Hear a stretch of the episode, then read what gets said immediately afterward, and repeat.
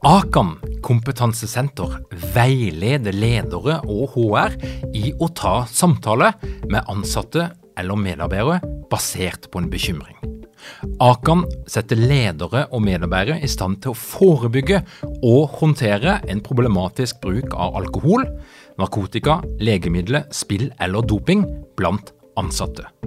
Ønsker du å lære mer om god forebygging og gjennomføring av samtale med en som du er bekymra for? Da kan du nå få tilgang på Akan sitt digitale samtalekurs til spesialpris, kun 760 kroner. Målet med kurset er å gjøre deg tryggere i det som kan være en krevende, men viktig samtale å ta i lederrollen. Du får tilgang til kurset med å gå til samtalekurs.no, samtalekurs.no, og bruke kampanjekoden LEDERPODDEN. Tilbudet gjelder ut april.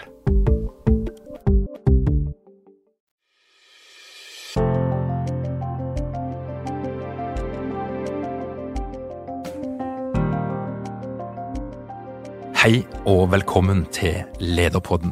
Dette her er en podkast for deg som er interessert i ledelse, eller som ønsker å bli inspirert i eget lederskap. Mitt navn er Tor Åge Eikrapen. Jeg jobber som organisasjonspsykolog, og i denne podkasten intervjuer jeg ledere og fagpersoner som har en historie å fortelle. Et tema som mange er opptatt av rundt forbi, det er psykisk helse på arbeidsplassen, og det er et begrep som da ofte gjenger igjen, og det er utbrenthet. Utbrenthet er faktisk ikke en diagnose per i dag. Eh, det nærmeste du kommer, det er det som kalles for fatigue, men, men eh, de fleste forholder seg allikevel til det begrepet som sånn folkelig eh, greie på det å ha psykisk uhelse knytta til jobb.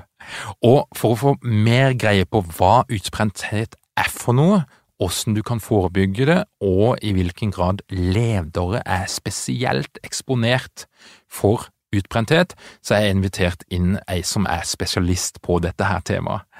Og eh, Tonje Moe Thomsen, du er daglig leder i IPR i Oslo, som, som, er Institutt for psykologisk rådgivning, eh, som er et av de største psykologmiljøene i Norge, med til sammen 30 psykologer forbi dørene. Eh, og du er altså både psykolog, og du er leder sjøl, og du har i, i, kraft av jobben din, så, så møter du mange ledere, og du møter mange ansatte, og en del av de har fått merkelappen utbrenthet. Ja. Velkommen, Tonje. Tusen takk skal du ha. Eh, kan du bare kort igjen en liksom beskrivelse. Altså, Vi har jo en del folkelige begreper for utbrenthet. Noen snakker mm. om å gå på veggen, noen snakker om å gå i grøfta, noen snakker om en lett vegg du kan gå på. Og jeg tenker at Det handler jo litt om å komme seg vekk fra de mest stigmatiserende eh, begrepene, og at det er litt lettere å snakke om, litt mer sånn sosialt akseptabelt, å snakke om, om utbrenthet. Mm. Men, men, kan du bare gi litt sånn De som du treffer, klientene som du treffer hos eh, IPR, mm. eh, som enten er ledere eller, eller medarbeidere, og som, eh, der du tenker at eh, utbrenthet er en, en, passende beskrivelse. Og er det som er symptomene, og er det som kjennetegner de folkene? Eh, ja, det skal jeg si litt om. Eh, aller først må jeg korrigere deg bitte, bitte lite grann, eh, men det er veldig, hva skal jeg si, det er veldig lite rart at du tror at det ikke er en diagnose, for det er veldig nytt. Men faktisk så var det sånn at våren 2019 så ble utbredthet anerkjent som en diagnose av Verdens helseorganisasjon. Eh, og de tre Men dette er veldig nytt, altså, sånn at det er ingen skam i å ikke vite det. Eh, men eh, den letteste måten å beskrive utbrenthet på, det er jo å tenke på det som en kronisk stressreaksjon. Så for å kunne si noe om hva, hva utbrenthet er, så må man først kanskje begynne med å si noe om stress. Vi kan sikkert gå litt mer inn på det etterpå, eller jeg kan si litt mer om det, men sånn som Verdens helseorganisasjon definerer det, så er utbrenthet en diagnose med tre hovedsymptomer. Eh, hvor det ene er eh, at vedkommende har en følelsesmessig utmattelse. Altså at de er konstant slitne, kjenner konstant på eh, en form for tretthet, energitap. Og så er det det at de ofte har fått en følelsesmessig distanse til arbeidet sitt. Altså, de har sluttet å bry seg så mye, kanskje har de begynt å, i effekt av det igjen, og sluntre litt unna, oppleve at ting ikke har noen mening lenger. Um, altså, det er en sånn, ja, en følelsesmessig distansering. Um, og det siste er at det, det, det har gått utover personlig yteevne. Altså at vedkommende som er utbrent, har etter hvert en redusert personlig yteevne. Altså sammenlignet med seg selv. Mm. Mm. Og, og eh, den, den erfaringa som du sitter med, den kliniske erfaringa, når du begynner ja. å, å, grave litt i årsaker til utbrenthet ja. For det, det, er litt sånn spennende. For, for min erfaring det er at det ofte så Eh, er den første eh, historien du får høre. Og vi mennesker er jo litt opptatt av å fortelle historier der vi forklarer litt hvorfor ting er blitt sånn som det er blitt. Mm. Og den første historien en ofte hører, det er at det handler om arbeidsplassen. Mm. Det handler om dysfunksjonelle ledere, det handler om et giftig arbeidsmiljø, eller det handler om et langt, stort arbeidspress mm. over tid. Mm. Og av og til så er det jo nettopp det som er bakgrunnen, mm. men, men, i en del sammenhenger, når man begynner å grave litt, så ser du at det er mer komplekst. Mm. Det er mm. altså flere ting som spiller sammen. Mm. Blir ofte sammenlignet med en ryggsekk som fylles opp av stein, og der det er flere steiner, og den siste steinen, det blir den avgjørende som gjør at den mm. går ned i knestående eller, eller blir utbrent. Men hva er, det, hva er det du ser for noe når det gjelder årsaker og den veien som folk har gått da, før de kommer i, i den situasjonen at de blir diagnostisert med utbrenthet? Ja. Altså, sånn som du sier her, så er det, det er et veldig komplekst fenomen. Og den opplevelsen folk har av at det handler om arbeidsplassen, eller det handler om, handler lederen, eller det handler om arbeidsoppgavene, um, det kan være helt riktig, og så samtidig så er det ofte et veldig sammensatt bilde. Så hvis jeg går litt tilbake der og tenker på ut, uh, utbrenthet som en stressreaksjon, altså en kronisk stressreaksjon, så er stress er jo på en måte en menneskelig reaksjon der hvor psykologi og biologi møtes veldig. Sånn at det, um, det, det, det ofte Eller definisjonen på stress som sådan, hvis jeg bare Jeg tror jeg bare må begynne der. Det er jo at opplevelsen av krav i omgivelsene, altså min opplevelse av hva jeg må gjøre, eh, overskrider de ressursene jeg opplever å ha tilgjengelig. Så allerede der så finnes det to veldig psykologiske vurderinger det første er på en måte den psykologiske vurderingen av hvilke krav som stilles til meg. Um, og så er det den andre psykologiske vurderingen om, om jeg har mulighet, om jeg har evne, uh, om jeg har tilgjengelige ressurser til å kunne møte de kravene. Greie oppgaven, uh, for å si det enkelt. Men så når disse psykologiske vurderingene er gjort, og som kan handle om veldig, veldig, veldig mange ting, og veldig mange faktorer, som du forteller om, uh, så setter dette i gang en biologisk prosess idet du gjør den vurderingen, den psykologiske vurderingen av at kravene overskrider ressursene man har tilgjengelig. Da begynner kroppen å, å, virke, om jeg skal si det sånn, og det er faktisk det den gjør, fordi at stress er en utrolig god og nyttig reaksjon vi har for å mobilisere. Men det som skjer, er jo at adrenalin begynner å pumpe ut i kroppen, og kortisol pumper, og man får veldig sånn kroppslige symptomer på det. Og utbrenthet er på en måte hva skal jeg si, det er på en måte sluttfasen av denne stressreaksjonen når den har holdt på alt, alt, altfor lenge. Fordi at i begynnelsen, når man eh, får en stressreaksjon, så er det dette med mobilisering, hvor yteevne faktisk går opp. Eh, vi blir, altså vi trenger mindre mat, vi trenger mindre søvn, vi kan jobbe raskere, vi er mer konsentrert. Men på samme tid som yteevnen går opp, så går også etter hvert energien til å opprettholde det ned, fordi at det er veldig, veldig, veldig krevende å være, være mobilisert i stress, å være stressa.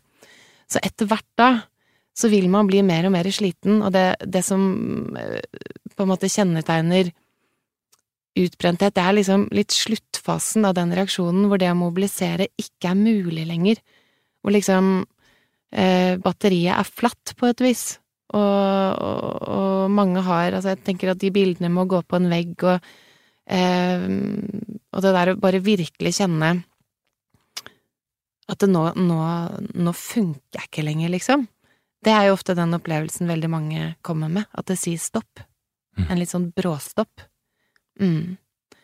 Og, opplevelsesmessig så er det jo sånn, sånn, det treffer veldig mange, som at det plutselig en dag så bare gikk det ikke lenger. Um, og så når vi ser på forløpet, så ser vi jo nettopp det at utbrenthet er en ganske lang prosess, hvor det ofte, eller hvor tidsaspektet i det er veldig, veldig viktig. At det nettopp er det å være stressa over tid da, som kan være skadelig. Mm. Da, og da lurer jeg litt på, for, for det har jo ganske store konsekvenser. Altså, Mm. eh, For det første så er det noe med at antallet eh, mennesker, arbeidstakere, som er sykemeldt på grunn av lettere psykiske helseplager, blant annet, og kanskje særlig, Mm. utbrenthet, Mm. sterkt økende, og de utgjør en veldig stor andel. Så Mm. i et bedriftsmessig perspektiv, store kostnader. Eh, og så er det jo noe med at mange av de som blir utbrent, de er borte lenge fra jobben. For det Ja. tar lang tid å komme tilbake igjen når du Mm. først har, har virkelig blitt eh, der at eh, batteriet er, er tomt. Mm. Så det jeg lurer litt på, det er symptomene. Altså hva er det du ser for noe, enten utenifra Mm. eller innenfra. Åssen åssen merker du at denne prosessen er i gang? Mm. Altså, jeg tror jo ehm, Hvordan man merker at det er i gang, så tror jeg jo at um, At veldig, veldig mange forteller at de er mindre fornøyd De er mindre fornøyd, rett og slett, på jobben. At de opplever at um, At jeg har for mye å gjøre. Altså som at oppgavene er for mange i forhold til den tiden jeg har. Det kan også være en opplevelse av at jeg blir bedt om å gjøre ting som jeg egentlig ikke er trygg på å gjøre, eller jeg er ikke kompetent nok til å gjøre arbeidsoppgavene mine.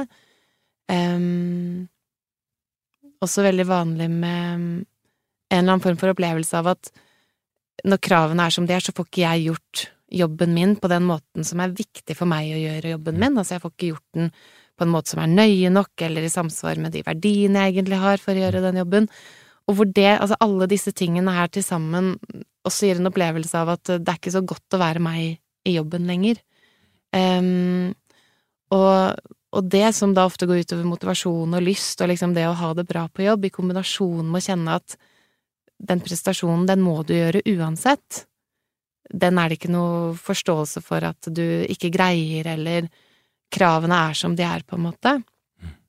Det gjør at mange begynner med de symptomene som jeg nevnte i stad, at de på en måte da også blir De blir slitne av det, og de får denne stressreaksjonen som Hvordan den ofte ser ut, er jo veldig, veldig ofte eh, som en veldig kroppslig reaksjon. Altså mange forteller om trykk i brystet, eh, det går utover søvn, det går utover appetitt, noen får økt søvnbehov, andre strever med å sove. Altså kan ha veldig mange ulike uttrykk sånn rent kroppslig, men det er på en måte effekter av denne egentlig ganske sånn enorme mobiliseringen da, som kroppen gjør for å møte, møte utfordringer. Stiv nakke, ryggplager, ømme muskelsmerter, altså sånn eh, ofte veldig sånn diffuse og sammensatte bilder. Ehm, ja, men som gjør vedkommende i liksom dårligere stand Mm. til å ha det bra og til å gjøre jobben sin. Og det høres jo ut som noe som da er observerbart utenfra. Dette her er noe som eh, en leder, i hvert fall med et litt skarpt blikk for relasjoner og en viss interesse for sine medarbeidere, Mm. vil kunne observere før eh, batteriet er helt tomt. Ja, det Jeg vil tenke at det, det som regel er det, i hvert fall. Men så er det sånn Vi mennesker er jo forskjellige, sant, så det er også eh, Mye av det her avhenger også av personlig stil. Altså sånn hvor, hvor åpen er jeg med lederen min, hvor lett lar jeg det synes på utsiden når jeg er urolig, for eksempel. Um, så, så jeg tenker at det absolutt vil være de medarbeiderne også som det er vanskelig å se det på, og hvor ledere kanskje også noen ganger må, må gjøre litt av den jobben, og på en måte tenke på organisasjonen sin også litt som Litt på samme måte som man regulerer et individ, at man for eksempel vet at ok, vi som enkeltmennesker, vi har behov for når det har vært høyt tempo veldig, veldig lenge, så har vi behov for at det er et lavere tempo, kanskje til og med å skru helt av en liten tid. Og sånn kan det være med organisasjoner også, at hvis du på en måte skal favne enkeltindividene som kan være gode og mindre gode på å uttrykke behovene sine, så kan det være viktig også å se på organisasjonen sin litt som eh, litt som noe som må reguleres på samme måten, da. Vet du at det har vært masse, masse trøkk, så må du også kunne legge opp til noe som ligner på pauser, eller strukturere organisasjonen din sånn at folk ikke hele tiden er på. Fordi det er det som eh, Det er det som på en måte, jeg tenker i størst grad liksom gjør at folk blir utbrente. Det er at de ikke får slått av. Altså, det er som at kokeplata liksom hele tiden er på. Um, og, og, det vi trenger for å ikke bli utbrent, det er en balanse mellom å være skrudd på og være skrudd av. Så ja. Og, og, der er det jo eh, Jeg tenker jo det, det handler jo litt om den her omsorgsplikten mm. som ligger faktisk i arbeidsmiljøloven. Altså som leder så har du en plikt til å gi omsorg og passe på dine ja. medarbeidere. Arbeidsmiljøloven i Norge er helt nydelig. ja. den, er, den, er, så fin.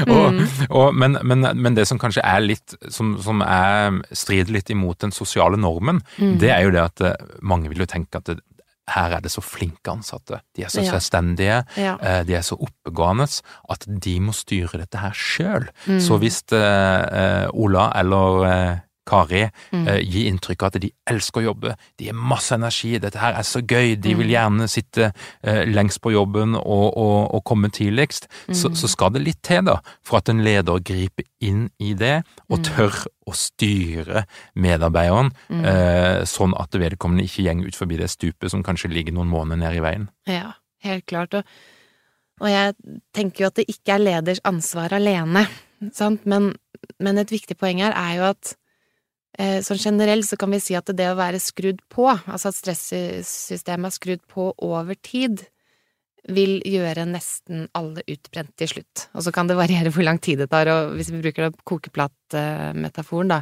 hvorvidt man på en måte over tid står på seks, syv, åtte, ni, eller om man står på to, tre, så vil det variere i tid.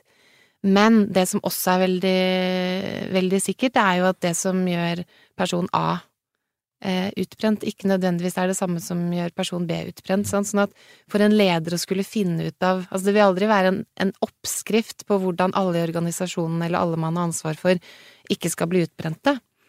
Og mm, nettopp fordi at det, noe av det som utløser stress, er veldig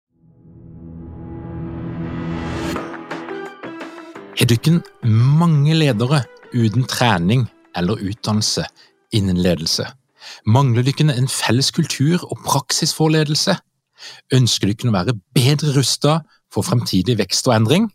Da kan et internt lederutviklingsprogram være en god investering. I Execu er vi eksperter på å designe og gjennomføre bedriftsinterne lederutviklingsprogram. Hvis du ønsker å lære mer om hvordan vi kan hjelpe dykken til å få enda bedre ledere, ta og klikk deg inn på execu.no.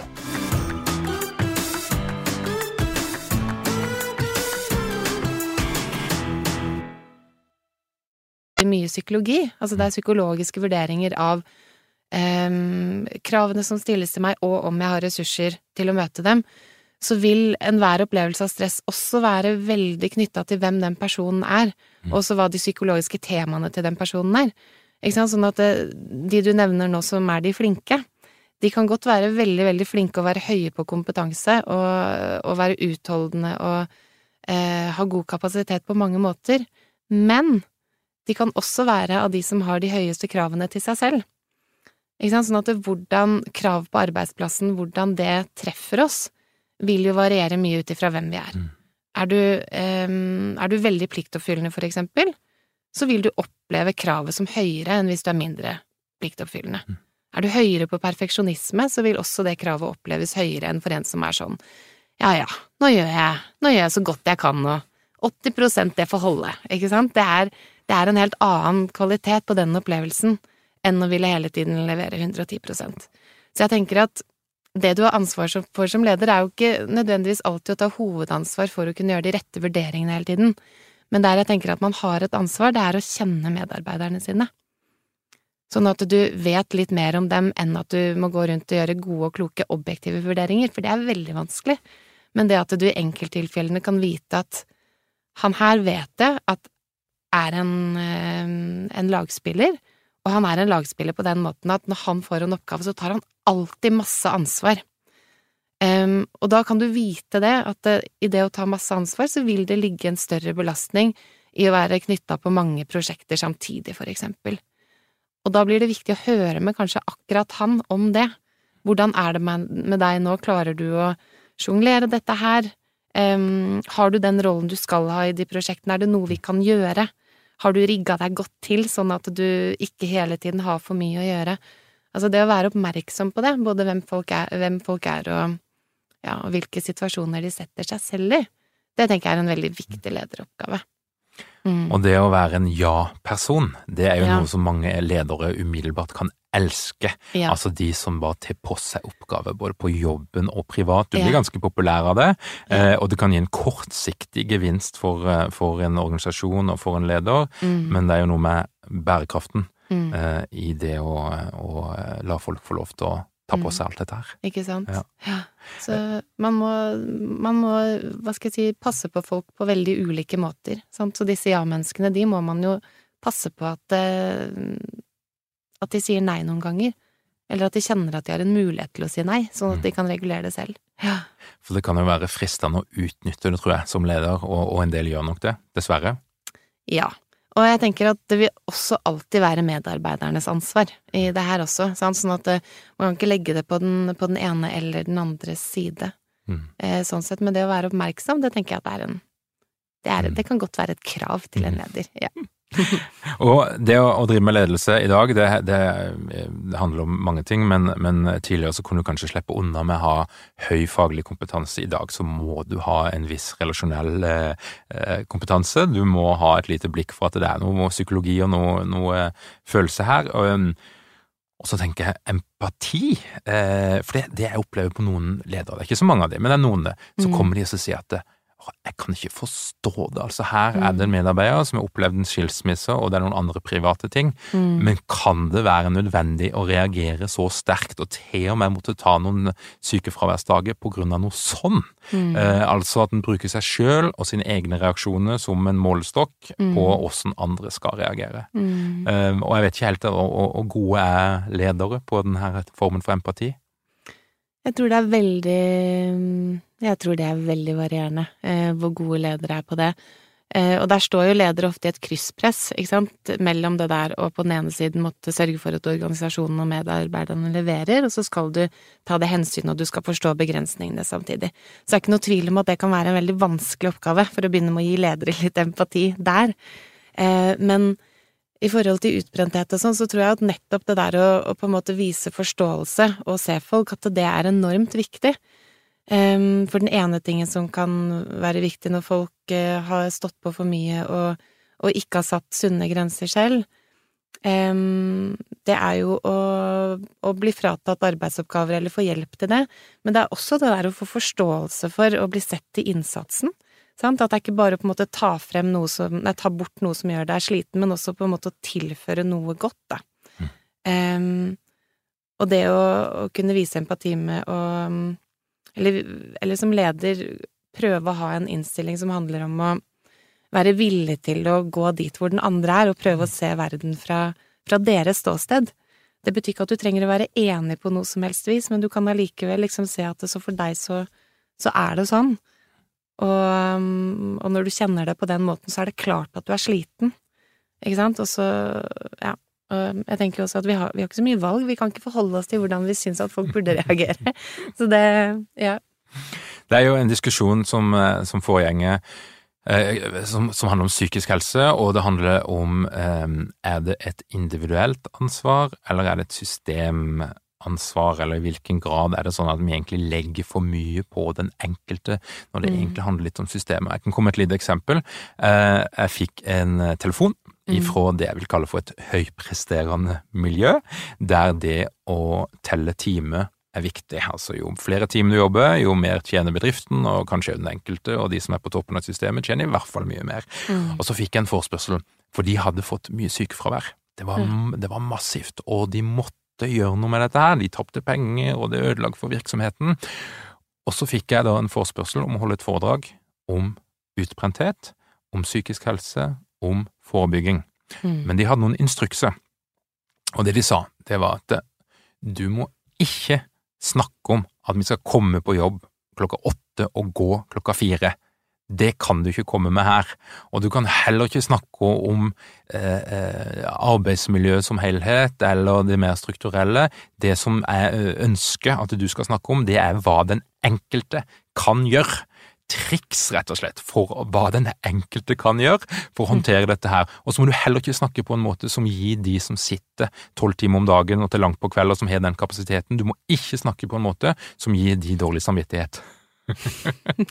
Det høres ut som veldig Veldig krevende bestilling. Jeg sa nei takk. du gjorde det.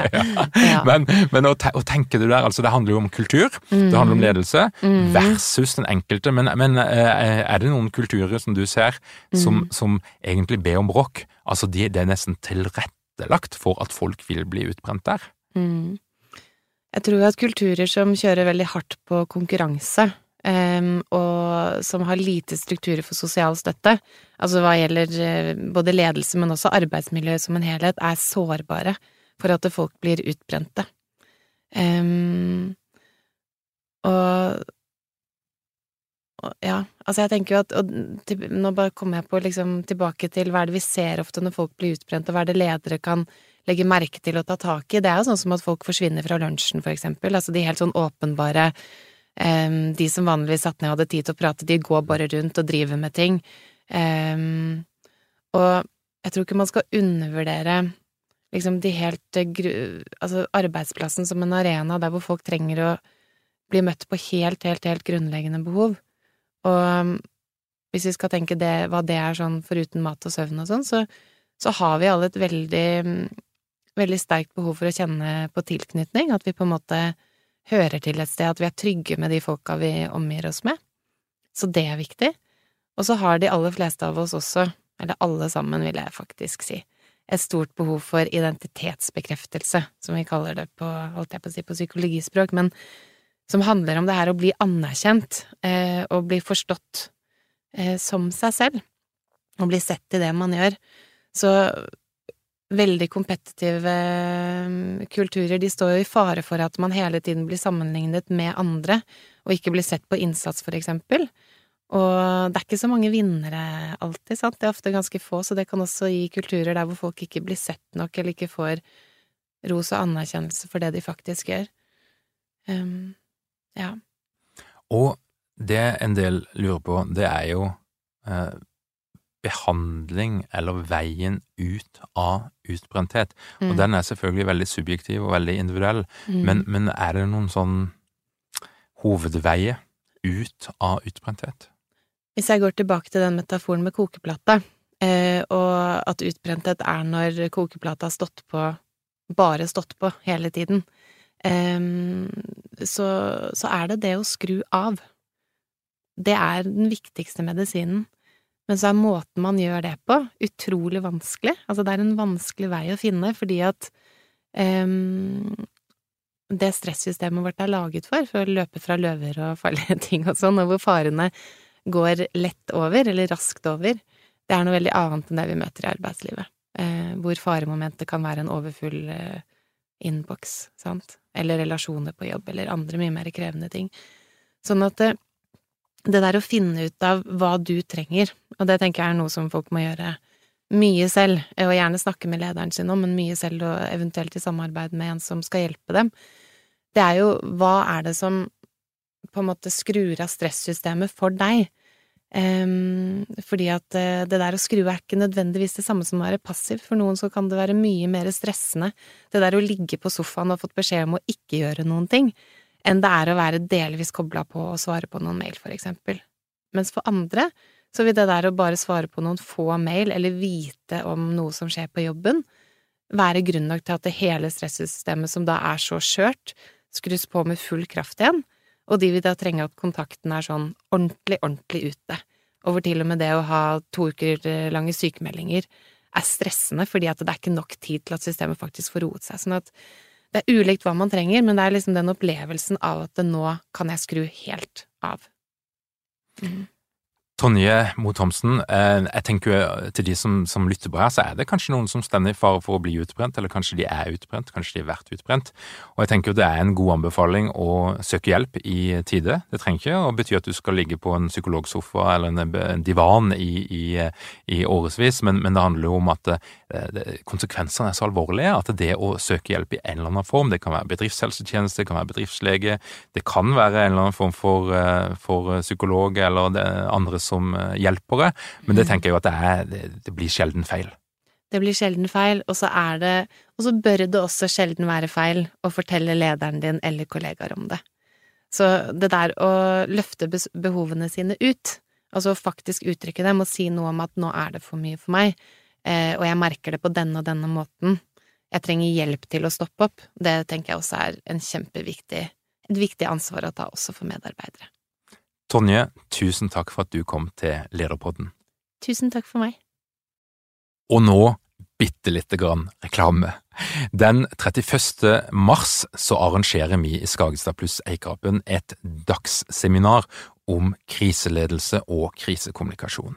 Dette er seminaret det er retta mot deg som er leder eh, eller jobber med HR, og som ønsker å være bedre forberedt hvis din organisasjon blir ramma av ei krise. Ei krise kan være så mangt. Det kan handle om alvorlige personalsaker, det kan handle om negativ medieomtale, det kan handle om ulykke og eh, de mer klassiske former for krise. Det kan òg handle om cyberangrep, data på avveie. Eh, det er altså en, en rekke potensielle kriser som du kan bli utsatt for som leder. Og På dette her dagsseminaret så får du møtt eh, tre eh, fantastiske foredragsholdere som òg eh, skal, skal, ha dialog med deltakerne. og Derfor så har vi kun 60 plasser. Og de du får møte, det er Arne Roland, tidligere administrerende direktør i CHC Helikopterservice. Han sto med roret når Turøy-ulykka ramma landet og 13 personer omkom i helikopterstyrten, og han deler sine erfaringer fra å stå som leder i en ekstrem situasjon. Du vil også få møte Elisabeth Skarsbø Moen fra rådgivningsselskapet Synk. Hun er spesialist på krisekommunikasjon, og hun jobber med noen av landets største selskaper. Blant annet så sto hun ved siden av Arne Roland eh, når eh, ulykka ramma CHC Helikopterservice. I tillegg så vil du møte Dag Nordbø. Han var ansvarlig, og han var direktør for kommunikasjon og lederutvikling i National Oilwell Varco, som er et oljeutstyrsselskap eh, med, som hadde hovedbase i Kristiansand og, og eh, blir styrt ellers ifra Houston. Han var ansvarlig for å trene de lederne som skulle gjennomføre en av Norges største nedbemanningsprosesser, der altså eh, National Oilwell Varco gikk fra å ha 5000 ansatte til å, å, sitte igjen med 3000.